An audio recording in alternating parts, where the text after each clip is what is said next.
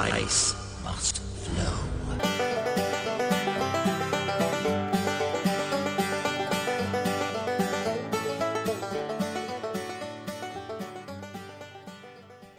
Og det du så gør, det er, at du river det bare ned i sovsen, og vupti, så er der lækker bechamelsauce til lasagnen.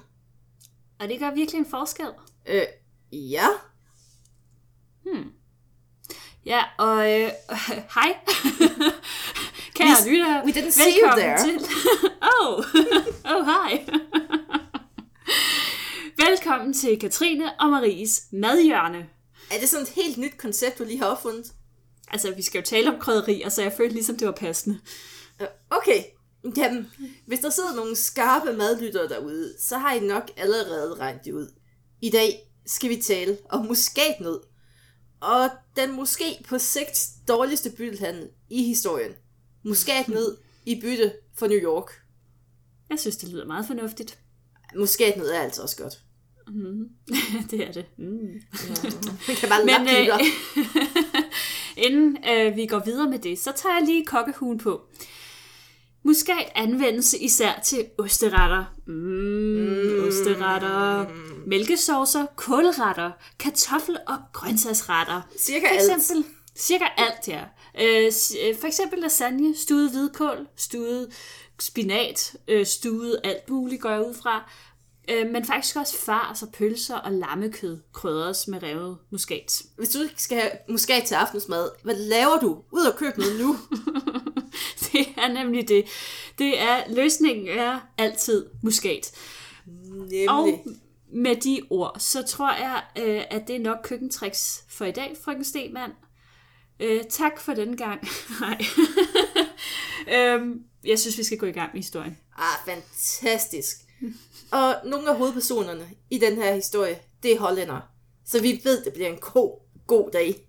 Det gør det altid, når hollænderne er med. Men lad os starte et andet sted end Holland. USA, hjemsted for de andre skøre personer. USA, det startede ud som sådan en gruppe kolonier, kaldt New England. Og mange tror, at den her kolonifest, den kun havde England og Frankrig på gæstelisten. Men hollænderne, de havde også slidt sig med på deres helt egen lille måde. Imens de engelske kolonister slog rod i Virginia og Massachusetts, så havde hollænderne nemlig gang i deres eget lille projekt, kaldet Lille Holland, i det område, vi i dag kender som New York. Hovedstaden, Hvad, den hvad, hed... hvad kender vi det så? Sagde jeg ikke New York? Det er sådan New York. No, New York. New, New York. Øh, og hovedstaden i Lille Holland øh, hed det meget opfindsomme New Amsterdam. Det lå på den sydlige spids af en lille ø, som vi kender som Manhattan. Fedt. Englænderne, de har jo aldrig sådan rigtig været glade for konkurrence i deres kolonier. Mm-hmm. Så selvfølgelig kunne det ikke gå, at hollænderne de har slået sig ned i deres baghave.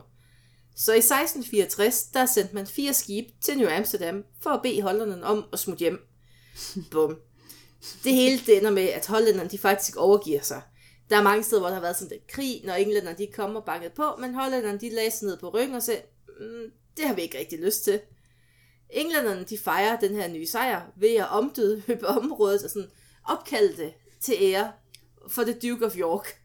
Ja, altså man må, man må give dem, de der kolonister, at de var virkelig opfindsomme med deres stednavn i, i de nye kolonier. New Horsens, I believe. Jeg tror stadig, den venter på at blive grundlagt. New Hedensted. New Hedensted og New Horsens. New Jeg er på, der, der er et lille, et lille hjørne op i Alaska, hvor jeg er sikker på, at der er plads til New Hedensted. Ja, Ja. Den her nyhed om, at øh, englænderne de havde fået øh, New Amsterdam, den blev ikke sådan vanvittigt godt modtaget hjemme i, øh, øh, hvad hedder det, det europæiske Holland, hvis vi kan kalde det det rigtige Holland. det rigtige Holland. Øhm, og det blev faktisk også startskud til den anden engelsk-hollandske krig. De her krige var øh, jo, som navnet antyder, en række krige, øh, og det var ligesom sådan on-off konflikter i perioden 1650'erne til 1780'erne, med nogle opblusninger i forbindelse med den franske revolution og Napoleons krigene. Begge parter, altså England og Holland, de ønskede at etablere deres dominans over sejlruter mellem Europa og resten af verden hvis man sådan skal drage paralleller til i dag, så forestil jer sådan en international handelskrise på crack. Altså det Trump, han, kunne, altså han gerne ville have, hvis han kunne få lov. Ja. Begge sider, de havde kæmpe store flåder, og de var ikke rigtig bange for at bruge dem. Og krigen, den varede i to år, fra 1665 til 1667. Og tabene, det løb op i 52 skibe og 12.000 mand. Det var sådan rimelig om, altså, det er rimelig omfattende alligevel. Det må man sige. Og krigen, den slutter med Breda-aftalen, hvor englænderne, de får så Manhattan, og hollænderne får til gengæld sådan en lille stillehavsø ved navn Ruen, er vi sådan fiflet os frem til, vi skal kalde den. Formentlig, ja. Det, det staves. R-U-N. Ja. Og begge parter var sjovt nok ret tilfreds med det her. Og så kan man jo sidde i dag, 2018, og tænke, hvorfor kunne hollænderne være tilfreds med at få en eller anden lille pisø ude i Atlant eller ude i Stillehavet, når de nu kunne få den her meget lækre, attraktive koloni, der senere bliver til New York. Og svaret, det er meget simpelt. Det er muskatnød. Du, du, du, du. Hvis øh, Run, eller Run ikke lige ringer en klokke, så er det faktisk også helt okay. Det er den vestligste ø af Bandaøerne. En Som alle kæde, kender. Som alle kender. Var der ikke noget med, øh, er, er, har, har der ikke været nogen personer fra Bandaøerne, som har gjort sig bemærket i forhold til det her klima, øh, forandringer og noget med, øh, at deres øer faktisk er i fare for at, at synke? Jeg mener, det faktisk er Bandaøerne. Oh, Nej, det er en, det er en anden historie. Øhm, og Bandaøerne, de er så en del af en anden øh, øgruppe, som hedder Maluku-øerne. Så det er sådan en, en lille ø i en anden lille øgruppe i en anden øgruppe. Det er meget fint. I dag tilhører øh, øen Indonesien, og der bor cirka 1000 mennesker. Der er hverken telefoner, biler, og der er faktisk også kun strøm et par timer om aftenen. Og det eneste, som egentlig er sådan specielt ved det her sted, kan man sige, det er, ja, der vokser rigtig meget muskat. Og man sidder sikkert stadig derude og tænker, ja ja, Holland, i, I tog den forkerte beslutning. Mm. Men som en god historiker, for eksempel, altså nu vil jeg ikke nævne nogen navn, men mig, så skal man jo lige huske på, at man skal ikke dømme fortiden med nutidens briller på. Vi er ligesom nødt til lige at grave lidt dybere for at forstå, hvorfor hollænderne synes, at det her var den fedeste ting ever. Lige præcis. Og for at komme nærmere en forståelse af det, så bliver vi lige nødt til at se på økonomien for 350 år siden. For der var det faktisk krydderier, som var den globale drivkraft. Yes, folkens, krydderier. Og i dag, der tager vi det jo sådan måske en lille smule for givet. Altså, de fleste har en rimelig velassorteret krydderihylde. Og mangler vi noget, så tager vi en tiger, går i søsterne grene, og whoopty, så er der kaj. Sagen den var en lidt anden i 1700-tallet. Her kunne man for eksempel lige købe en slave fri for et pund peber. Det synes jeg er lidt vildt. Vi kan lige tænke over det. Et pund peber koster ca. 250 kroner, og det var altså nok til at købe et menneske fri. Om det så betyder, at, at, øh, at, at det her, at, at peberet var meget, meget dyrt, eller menneskets Dengang øh, skulle vi nok frihed lige var sætte et meget, par, meget... et par nuller bagefter. Jamen, jeg tænker også, det, det siger måske også lidt om, at de her slavers øh, værdi ikke var specielt højt, når det kom til stykket. Ja, peber var Men- så til gengæld ret dyrt. Det er jo så det. Selvom, altså selvom, det er ikke engang løgn det her, at øh, der hvor at muskatnøden piker mest i pris, der er der et fald i peberpriserne. Fordi Okay. at det var jo også, det kommer vi til senere, med det hollandske, øh, østindiske sådan, sådan handelskompani, der styrede priserne. Ja. Ja. Så de kunne sådan få priserne sådan, det bestemte de lige præcis. Så nogle gange, Ah, så, snedigt. ja ja, der var altid kunne noget, de- der peakede i pris. Det var snedigt. Meget lusket. Mm. Og prisen på krydderier, den var høj. Og det var fordi, at krydderierne, de voksede jo langt fra Europa. Og det krævede meget transport. Altså, jeg kan godt forestille jer, at vi skal stejle sådan et gammeldags skib fra Holland, mm. ned forbi Afrika, ned, ned forbi Indien, og så ned omkring Indonesien, samle mm. krydderierne op og sejle hele vejen tilbage. Det tager lang tid, og det er farligt, og det er dyrt. Ja. Og det kunne jo tage år nogle gange, før man kom tilbage, hvis man kom ud af kurs. Ja. Og en god tommelfingerregel var, at hvis et skib krævede 50 mand for, ligesom for at kunne sejle det, så hyrede man altid 75, fordi man regnede med, at 25 af mændene minimum ville gå tabt undervejs. og det løber hele tiden op, fordi de skulle også have løn, Ja. indtil de døde og alt muligt. Um, men altså, det var en kæmpe forretning, det der. Ja. Også meget kynisk beregning et eller andet sted. Men så er der jo også aspektet med den der gode gammeldags kapitalisme. Uh, Det her, øh, hvad var det, du kaldte det? det? hollandske Øst- Østindiske Øst- Handelskompani. Lige præcis. Det var jo et privat aktieselskab, og, og det er jo sådan et ret nyt koncept på det her tidspunkt faktisk. Øh, og det var jo dem, der stod bag de her transporter. Aktionærerne, de skulle jo også have afkast, så prisen den blev sådan yderligere ligesom kørt op. Derudover så var der jo sådan den klassiske udbud efterspørgselsting. Der var en kæmpe efterspørgsel på krydderier i Europa, og der var et meget, meget lille udbud. Øh, sådan helt off-topic. Øh, skal vi lige have nogle facts om hollandsk økonomi? Ja. Det her handelskompani, det var et aktieselskab, men det var faktisk ikke kun sådan rige, rige hollændere, der havde aktie i det. Der var faktisk Okay. okay. ret mange sådan almindelige hollændere. Og det var sådan lidt sjovt at tænke sig, at allerede på det her tidspunkt, så investerede man i aktier. Ja. Men det var fordi, at den hollandske økonomi, den var jo sådan også indrettet sådan, at man faktisk sådan kunne købe andel i sin egen jord. Så man var vant til at købe sådan an, små andele af forskellige ting.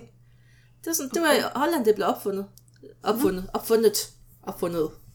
Jeg var lige lidt jysk der. se. Ja, Jamen, det gør ikke noget. Så det tror jeg, det tror jeg, de fleste, der lytter til den her podcast, Altså- altså, er vant til dine sproglige unoder. um, altså jeg siger bare, Marie, hvis jeg en dag kan få min vilje, så skal vi have et afsnit om hollandsk økonomi i den her periode. Jamen, altså, er vi har da nichebrede, men det er godt. Jamen, det- er, det er faktisk ekstremt spændende. Altså, det, vi har jo også øh, nærmest sådan den første, i hvert fald ret veldokumenterede finanskrise i Holland i 1600-tallet. Vi kan Den også altså snakke om, hvordan de faktisk, historie. altså de startede sådan, måske den første sådan lidt verdenskrig-agtige krig. Ja. Det er engang. Jamen, jeg kan godt se, at vi bliver nødt til at have, vi bliver nødt til at have et tema om, øh, om Holland. Hollandsk økonomi, det er jo indbegrebet af klik, det er sådan clickbait. Hollandsk økonomi 1600-tallet. Klik her for at vide mere. Folk kommer strømmende til. Jamen altså, vi skal have udvidet serverkapacitet. Det, det bliver vi nødt til. det bliver voldsomt. Præcis. Nå, nå, tilbage ja. på sporet. Ja. I den her verden af dyrekrydderier, der er muskat kongen. Det var det dyreste krydderi i hele verden. Og det var vidderligt sin vægt værd i guld plus det løse. Og udover at det selvfølgelig er fint i køkkenet, som vi har snakket om, mm. så mente man også, at det var en effektiv beskyttelse mod pest. Og pest mm. var jo, som vi tit har snakket om efterhånden, sådan rimelig, mm, rimelig udbredt og rimelig Det træls. Også det.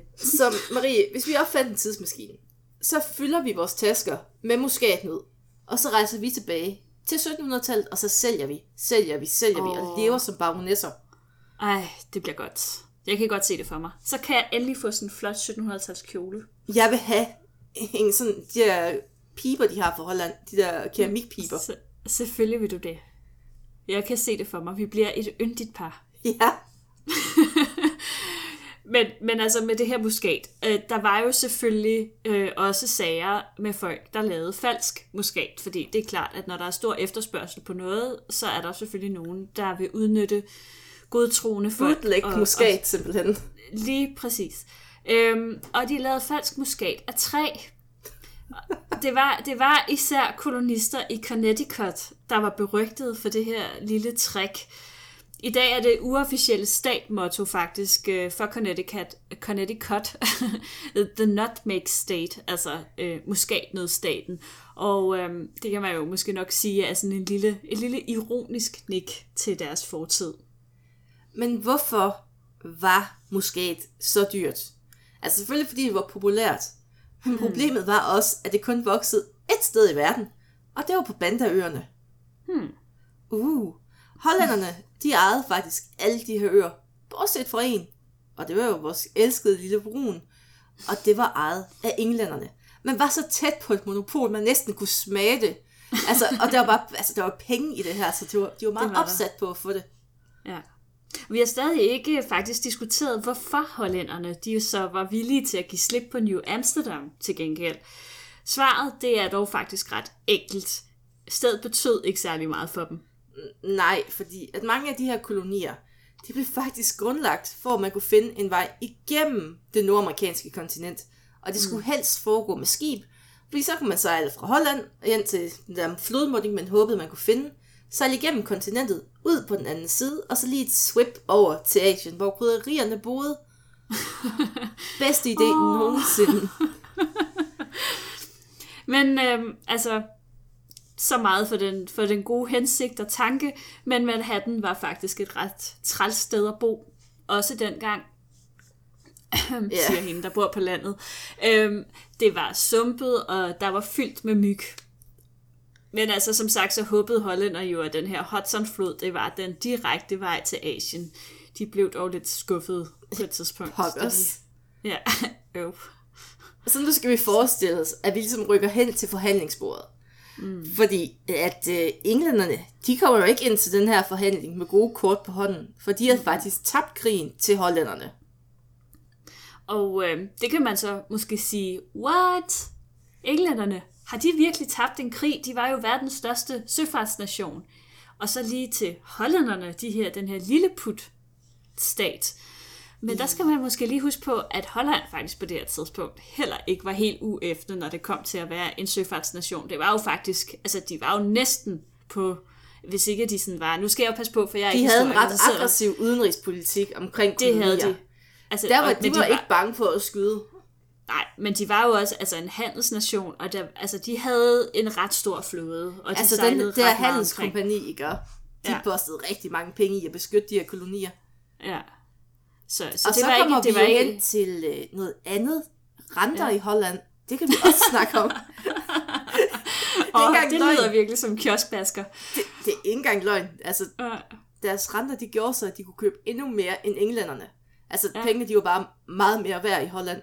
Og så kunne man Fedt. købe et større flåde og flere mænd, og man kunne bakse de grimme englændere. ja, Nå, nå nok om ja. hollandske renter. Jeg, jeg bliver carried away. det gør du. Nå, det afgørende slag i den her krig, det sker ved Medway i 1667. Det her, der taber englænderne, og det giver hollænderne kontrol med stort set alle engelske kystveje. Det er ikke så godt, når man er en søfartsnation, der handler. Nej. Oven i hatten, der havde englænderne jo så samtidig fornøjelsen af et nyt pestudbrud og branden i London. Så man havde egentlig nok at bølle med derhjemme, så man kunne ikke rigtig altså, få ressourcerne og mændene mm. og skibene til at slå hollænderne tilbage. Så man kunne ikke mm. gøre andet end at søge om fred.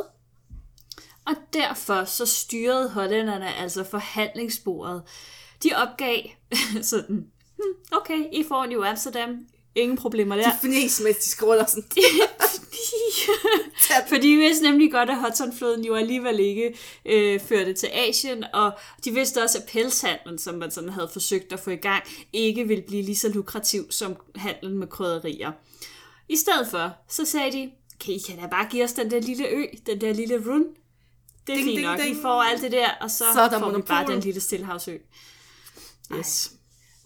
Jamen, altså, man kan jo heller ikke engang dyrke tulipa, altså, tulipaner der. Nej, Altså, hvad skal man bruge det til? præcis. Så, nu havde de, altså, hollænderne ejede alt muskat i verden nu. Wow. Ja, Et øh, muskatopol, om man vil.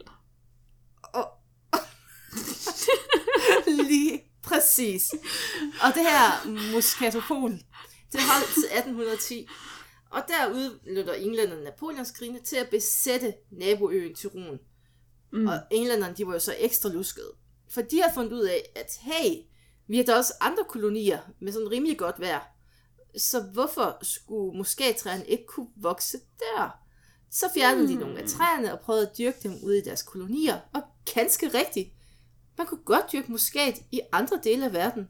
Så ikke nok med, at hollænderne de har mistet altså deres monopol. De mistede det med et brag efter 143 år. Og så, og så står de lige pludselig og har altså hverken øh, New York eller Muskat. Øh, monopol på muskat. Øv, Øv, øv. dampen. Ja.